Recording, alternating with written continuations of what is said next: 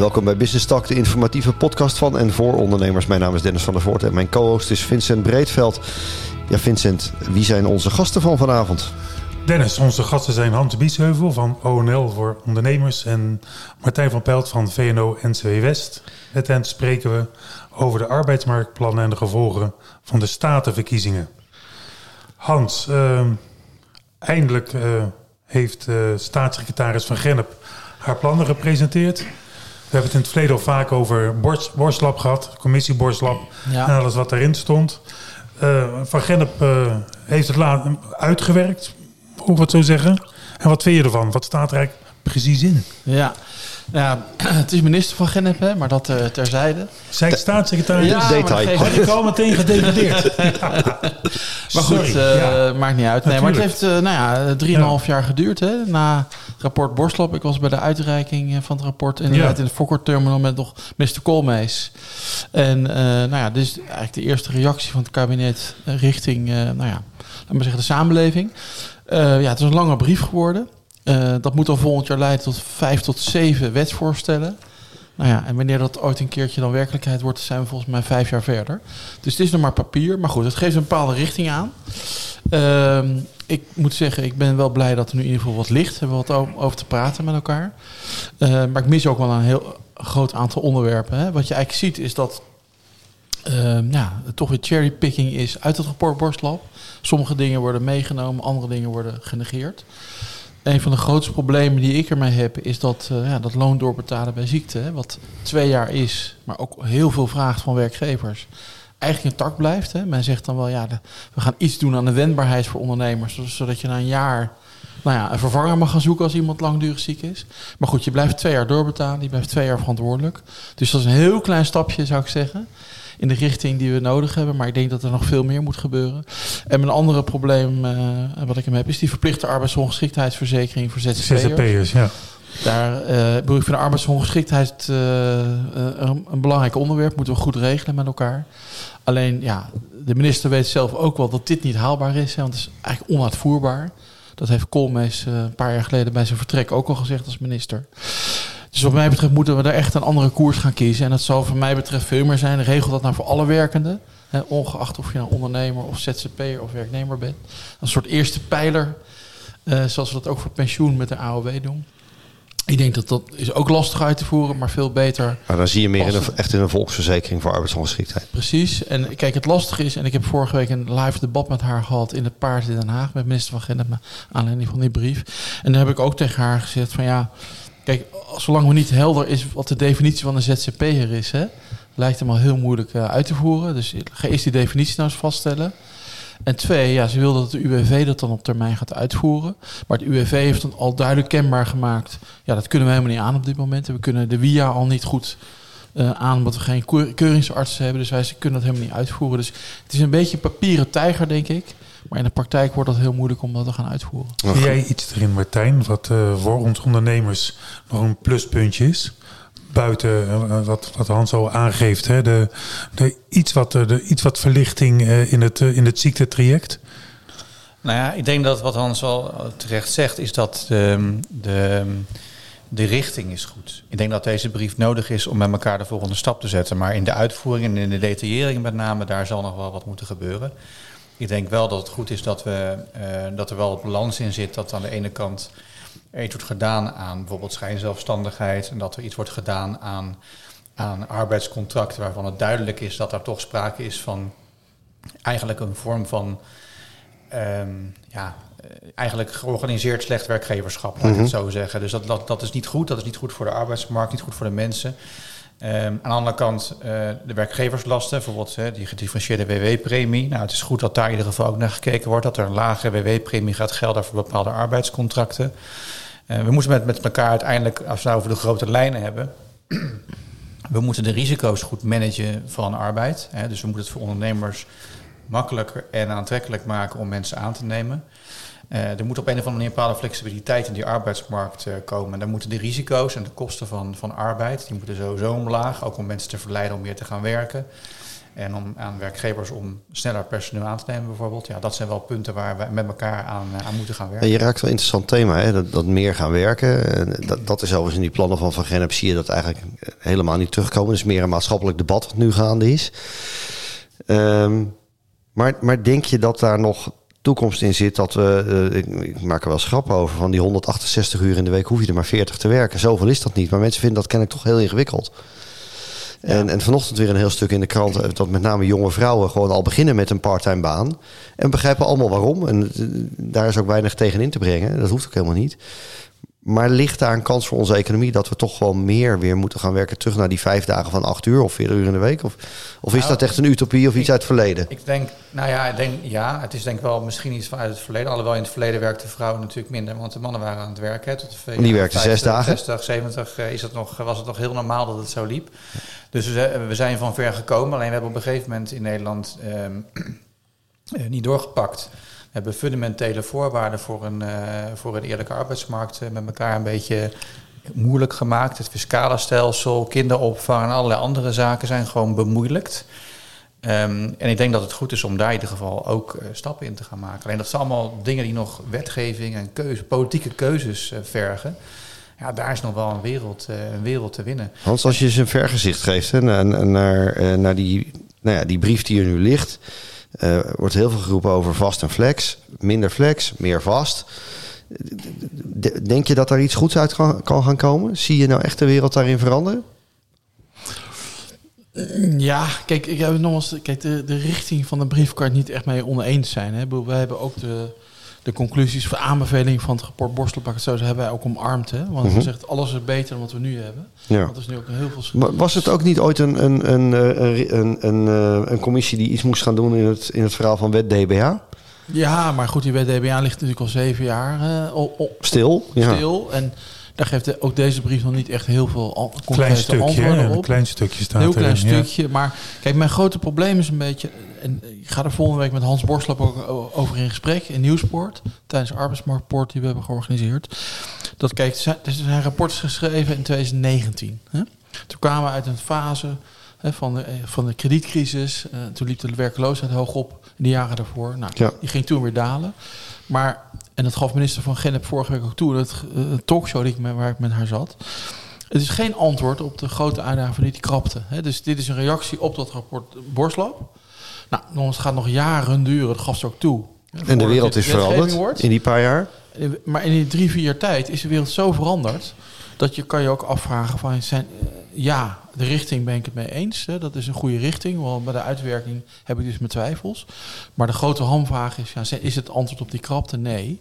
En die, dat is natuurlijk wel het grote onderwerp nu... en ook voor de komende 10, 20 jaar. Want die schaarste van arbeid zal blijven. Hè. Dat is een feit. Dat kan je gewoon eh, op de keukentafel uitrekenen.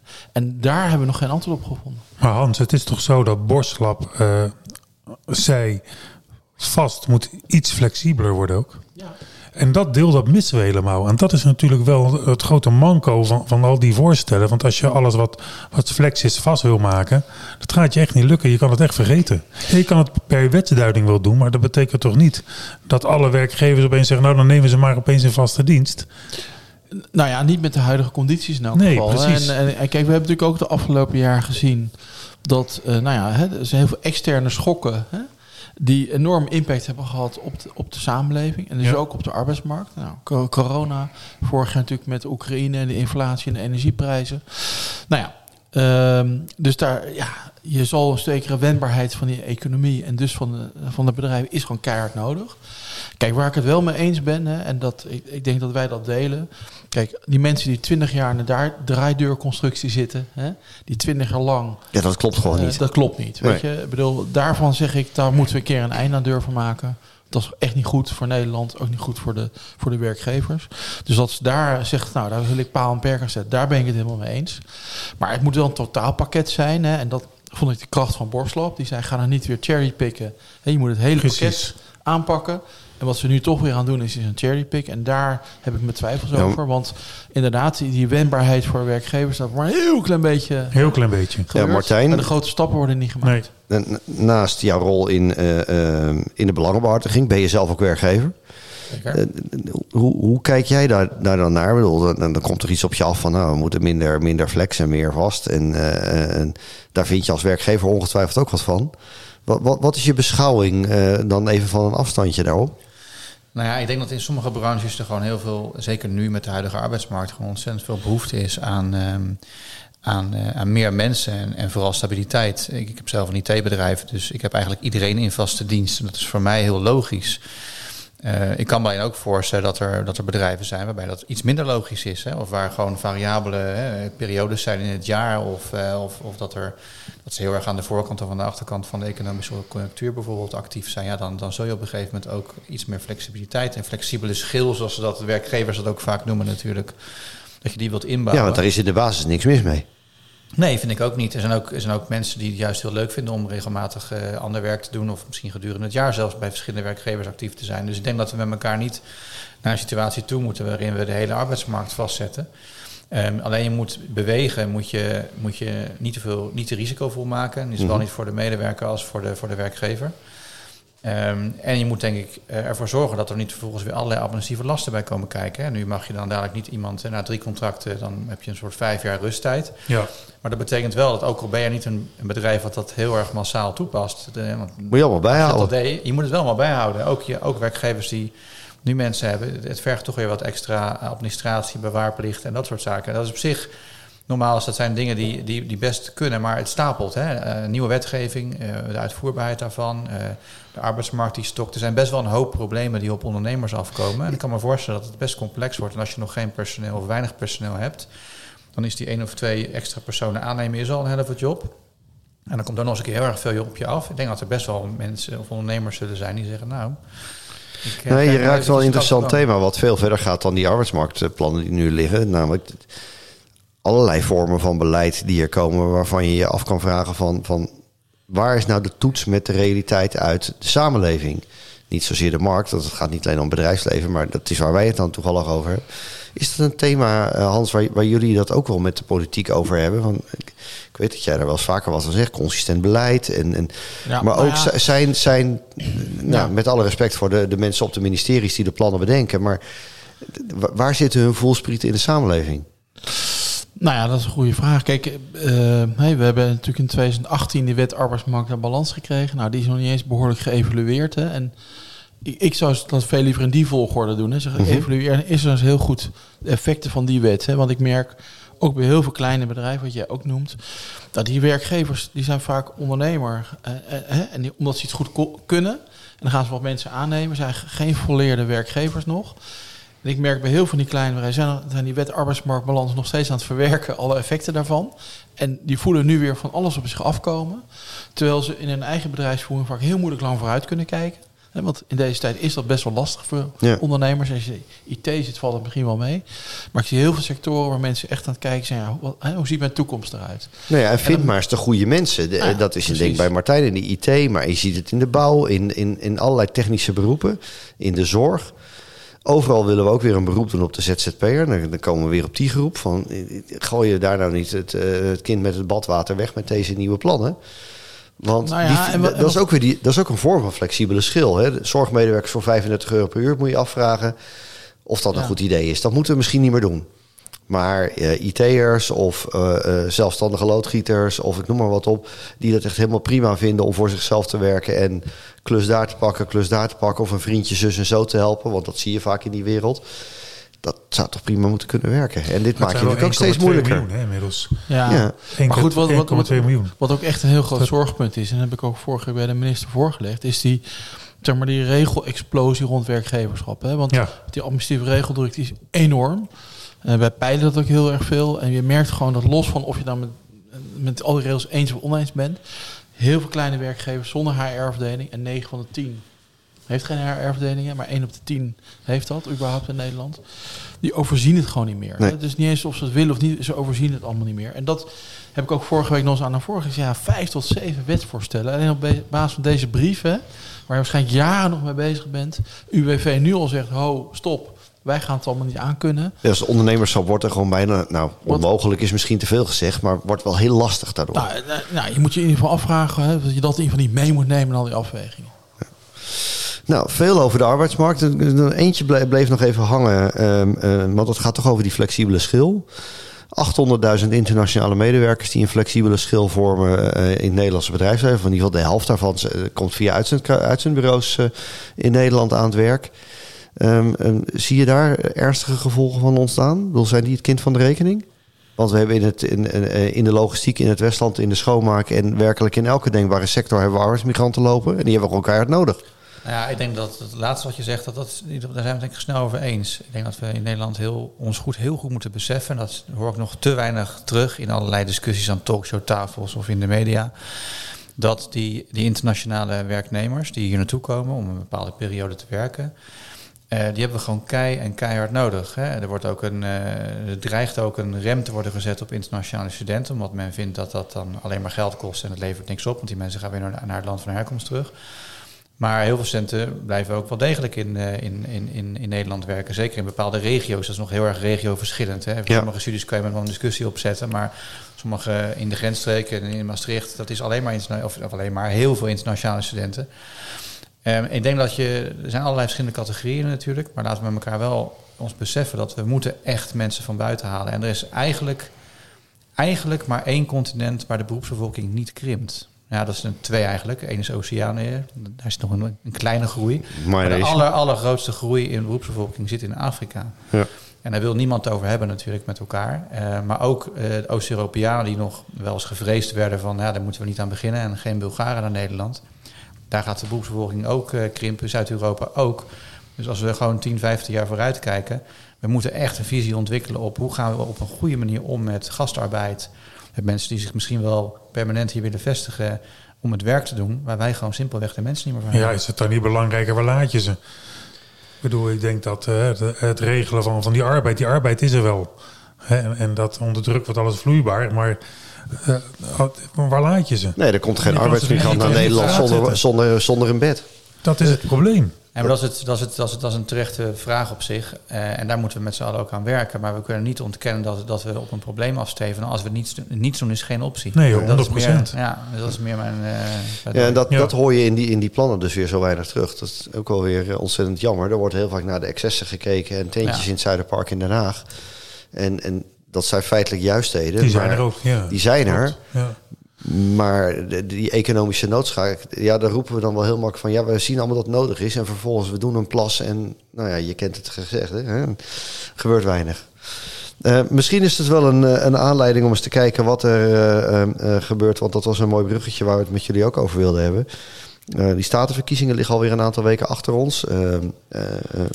nou, we doen met z'n allen alsof het land ongeveer op zijn kop gezet is. En, en of dat zo is, dat, zal moeten blijken. Maar het land ligt nu even stil. En, en, maar hoe duid je dat nou economisch? Wat er gebeurt is, oké, er is een nieuwe partij uh, opgekomen. In die provincies wordt er nu gepraat. En we moeten maar zien wat eruit komt. Of die partij nou echt zoveel vernieuwend is of anders. Of dat weten we allemaal niet. Het zal moeten blijken. Gaan we hier nou echt veel van merken in, in, in het bedrijfsleven en in de economie? Nou, ik, ik denk zelf, maar dat is even gewoon een, eerste analyse van deze uitslag. We moeten het allemaal gaan zien, hè? dus het is een beetje koffie te kijken. Mm -hmm. We hadden het ook niet zien aankomen, ik in ieder geval niet. En de meeste mensen denk ik niet, dat BBB zo gigantisch zou winnen.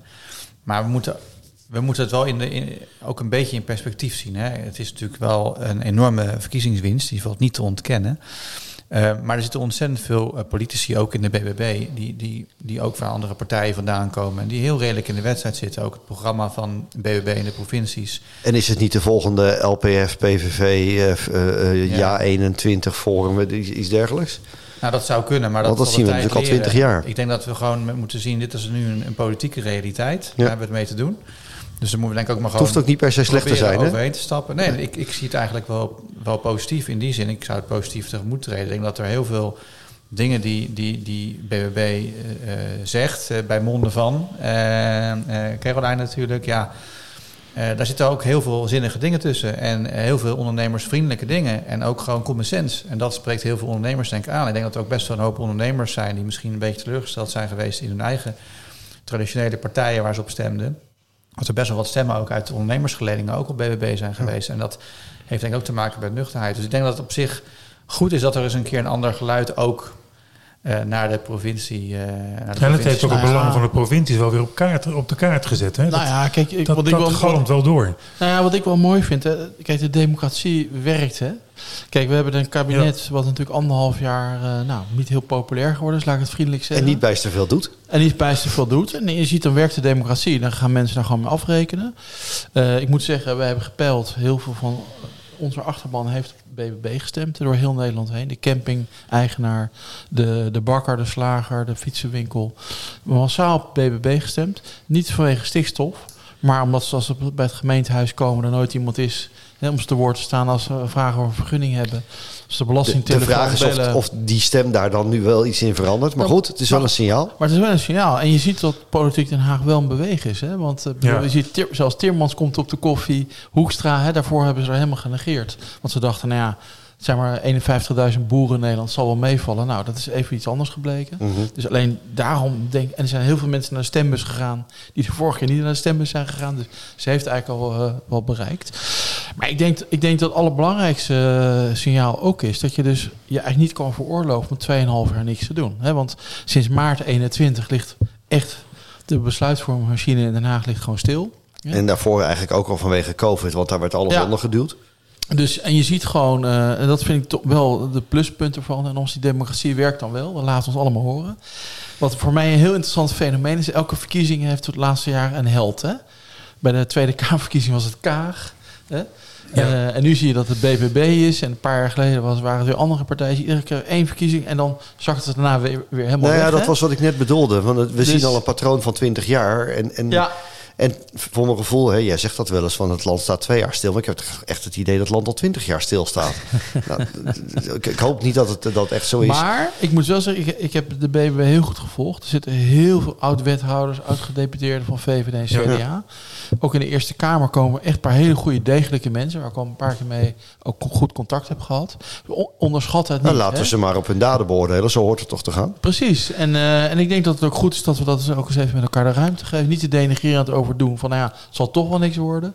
Dit heel serieus nemen. Maar dan nog even terug naar de ondernemer. Um, um, um, er was altijd min of meer een vaste route waar je als ondernemer wel terechtkomt. Dat, dat, die houvast is gewoon weg. Ja. Zien jullie daar nog iets in ontstaan van? Waar, waar, waar moet je nou als ondernemer uh, nog aan de deur kloppen om je boel te regelen? Of in ieder geval om je vragen kwijt te kunnen. Ja, bij jullie, dat snappen we wel. Maar, maar even die stap verder naar Den Haag of naar de provincie... of voor zover de provincie heel erg economische belangen uh, behartigt. Maar dat gaat vaak wel over ruimte en over bereikbaarheid. Ja, ik, denk, ik, denk, juist dat er nu, eh, wat ik heel positief van deze verkiezingen vind, is dat de provincie weer op de kaart staat. En dat mensen weer ja. begrijpen waar het in de provincie over gaat. Maar zouden mensen gestemd hebben op de provincie of met de Eerste Kamer in hun achterhoofd? Die vraag die kwam natuurlijk heel veel voorbij. Nou ja, beide natuurlijk. Dat is een mix van, van, van motivaties natuurlijk. En dat kan ik niemand kwalijk nemen, want de Eerste Kamer is een heel belangrijk. Schakelen in onze democratie. En uh, dat is veel meer dan een chambre de réflexion, zoals het natuurlijk uh, van Dat zou het wel was. moeten zijn. Ja, dat eens, is het alleen niet meer. Eens. Maar er liggen natuurlijk wel een enorme stapel hele belangrijke dossiers. En de ruimtevraag in Nederland is op allerlei thema's natuurlijk ontzettend belangrijk. Ja. We hebben het over een enorme woningbouwopgave, die in sommige steden ook weer ten koste gaat of mogelijk ten koste gaat van ruimte voor ondernemers. Hè, of überhaupt ruimte om te kunnen ondernemen. Kwestie van kiezen inderdaad. Uh, nou ja, is het een kwestie van kiezen? Uh, is er niet op een of andere manier, als je het slim doet, is het niet beide op een goede manier mogelijk? Ik denk dat uh, voor iedere woning uh, moet er uiteindelijk ook weer ergens een baan zijn voor iemand. Want ja. als dat niet zo is, dan gaan we onze eigen in- of uitgaande of beide pendel. Ja, dan krijg je wel de interessante vraag: moet je dan gaan bouwen in een deel van Nederland waar het al zo druk is? Want de meeste woningen moeten in Noord- en Zuid-Holland komen. En ik denk dan altijd nog maar de romanticus in mij van. Daar hebben we toch voor, via meneer Lely die Flevopolder voor droog gelegd. Maar daar wil niemand wonen. Er, er, begint nu wel te komen en er gaan ook bedrijven heen. Ja. Maar is, moeten we ook niet gewoon een, een, een, hek om die randstad zetten? Van, joh, hier is geen plek. Nou, dat heeft alles met bereikbaarheid te maken. Ook een thema waar we natuurlijk, uh, waar allerlei organisaties natuurlijk ook uh, druk om maken. Hè. Ja. Die, die, die mooie lelielijn die al heel lang op de tekentafel ligt. Ja. ja het zijn dat soort dossiers. Hè. De, de, de ereschuld aan Groningen hebben we natuurlijk nog uh, met elkaar op te lossen. Nou, ik denk dat dat, dat, dat misschien wel een, een, mogelijkheid is om een aantal lastige dossiers, uh, om die, die regio economisch veel meer te betrekken bij de Randstad en om de verbinding tussen stad en platteland veel beter te faciliteren met mobiliteit, met, met woon-werkcombinaties. Uh, zeker nu we deels thuis kunnen werken, en, en deels op kantoor werken. Hè. Dat hybride werken, wat je sinds corona natuurlijk steeds meer ziet, hebben mensen ook steeds verder van de randstad af een huis uh, gekocht. Uiteraard ook vanwege de prijsontwikkeling. En dat is een belangrijke driver. Maar goed, dat is natuurlijk ook sowieso met alles. Alles wat meer geld gaat kosten, dat gaat invloed hebben op het gedrag van mensen. Dat zagen we met de energie, dat zien we met heel veel andere thema's ook. Dus ik denk dat het een, een, een tijd is die heel onrustig is en een beetje waar mensen onzekerheid uh, hebben over dingen en ongenoegen. Dus vandaar ook, denk ik, voor een deel de, de uitslag zoals die er ligt. Maar er liggen ook heel veel kansen. En in juist de provincies is de bestuurslaag waar heel veel moet gebeuren. Ja. Kijk, wat mij wel opgevallen is, ik heb vorige week dat debat over de verkiezingsuitslag gevolgd. Ja, ik vond het buitengewoon triest beeld geven. Het ging maar alleen maar over stikstof. Ja. Maar al die andere oorzaken, hè, jij noemt een aantal denk ik heel goed op, waarom mensen ook op BBB hebben gestemd. Hè, of laat anders zeggen, niet op de traditionele partij waar ze normaal op stemden. Uh, die oorzaken die zijn niet aan de orde geweest. Hè. Ook niet door de oppositie aan de orde gesteld. Hè, want Laten we eerlijk zijn, ook SP heeft de 60 keer achter elkaar verloren. Hè? Nou, je kan zeggen GroenLinks en nee, PvdA hebben bijna Met elkaar prijsschieten op het kabinet. En het ging niet meer op de inhoud. maar ik heb bij geen enkele partij zelf reflectie gezien. En al die oorzaken zijn simpelweg niet behandeld. En het meest cruciale moment, het hele debat was uh, woensdagavond om 22 uur 36. Toen lag iedereen uh, al laafloos in die bankjes in die Tweede Kamer de 10 uur vergaderen. En toen kwam Wopke Hoek staan het woord en die zei nou het, het, stikstofbeleid van dit kabinet is mislukt, zei hij letterlijk, hè? is mislukt. Uh, en dat betekent dat wij als CDA uh, eh, gaan heronderhandelen. Maar ik, ja, u hoort nog van mij wat, wat, we willen bespreken en wanneer.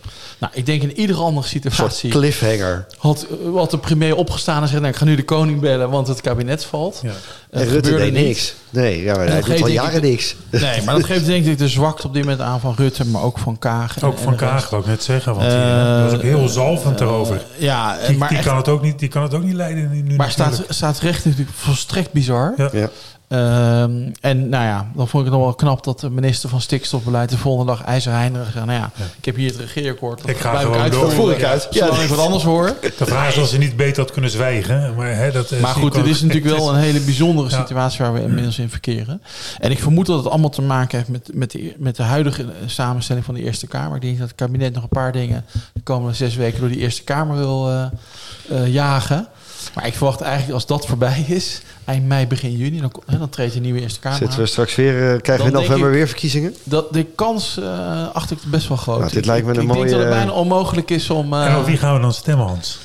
Ja, ik heb nog één tip. Nee, kijk, luister, ik geef geen stemadvies. Dat doe ik niet aan. Nee, nee. Nou, maar uh, iedere partij valt, bijna alle partijen valt prima uh, zaken te doen. Ik denk dat ook de, de verschillen tussen partijen worden altijd uitvergroot. Maar die zijn op heel veel fronten niet zo enorm groot. Natuurlijk, natuurlijk zit er in de in de, in de, in de Dit vind ik wel een mooie cliffhanger. Want dat is namelijk volgens mij precies wat er, wat er mis is in het democratisch stelsel. Omdat ja. die, die verschillen niet groot zijn, raken de mensen gewoon ontevreden. Ja, maar want, want ik, vond, ik weet niet hoe jij in het stemhok stond. Ik stond weer met die rolbehang. Hij paste deze keer wel tussen de muurtjes. En ik dacht echt serieus, ik heb geen flauw idee. En dat heb ik jarenlang wel gehad. Ja. En, en, en eigenlijk wat je zegt, ja, er is geen goed of fout. Maar, maar zo hoort het natuurlijk niet te gaan. Nou, we hebben ook niet meer van nature de ideologie om op terug te vallen. Hè? Van, nee. We weten niet wie we moeten stemmen, dus we stemmen maar op onze uh, ideologie. Op onze zuil. Die we, op onze zuil die we altijd hebben gehad. Ja. Tenminste, iedereen. Nu zitten we echt de romanticus uit te nou ja, ik, dat waren nog eens tijden. Ja, ja, dat zou je kunnen zeggen. Maar ik vind het, ik vind het, ik vind het wel het faillissement van, het, van de politiek inmiddels... dat uh, in dat debat wat Hans al aanhaalde dat daar ook de oppositie van tevoren natuurlijk al uitgebreid heeft afgestemd over hoe ze de pijlen zouden afvuren op, de, op, het, op het kabinet. Ja, en het omgekeerd. Kabinet, het kabinet houdt, houdt de gelederen gesloten. Wat, ik, wat, wat kun je anders verwachten van een kabinet? Um, maar de, de, de, de, oppositie heeft zich ook wel laten kennen door, door met elkaar ook samen te klitten en te zeggen van nou, als we nou een treintje vormen, dan, ja. dan, dan gaan we het gewoon op die en die manier doen. En dat was ook niet echt heel spannend. Ik vind dat jammer. Ik denk dat het een mooie afsluiter is eh, voor dit thema, want we gaan dat eh, vandaag niet oplossen. En, en nou, Hans, we hebben een, een, eind van het jaar dus verkiezingen. Nou, nou laten we dat nou, maar eens afwachten. Ik verwacht, ik verwacht, serieus, kijk, dat ze het nu nog stilhouden, omdat ze nog die pensioenwet door de Eerste Kamer willen jagen de komende weken. Dat is ook een ingewikkeld thema. Nee, maar dat, dat, daar hebben ze natuurlijk tien jaar aan geknokt. Dus ik denk dat dat een van de redenen is waarom ze nu een ademhaling nog inhouden. Maar ik denk als dat die fase voorbij is, verwacht ik eerlijk gezegd veel meer vuurwerk. Nou, daar, daar sluiten we mee af. Um, veel gezegd over de arbeidsmarkt en, uh, en de staatsverkiezingen. En alle gevolgen daar, uh, daaraan. Bedankt voor het luisteren. En graag tot een, een volgende keer.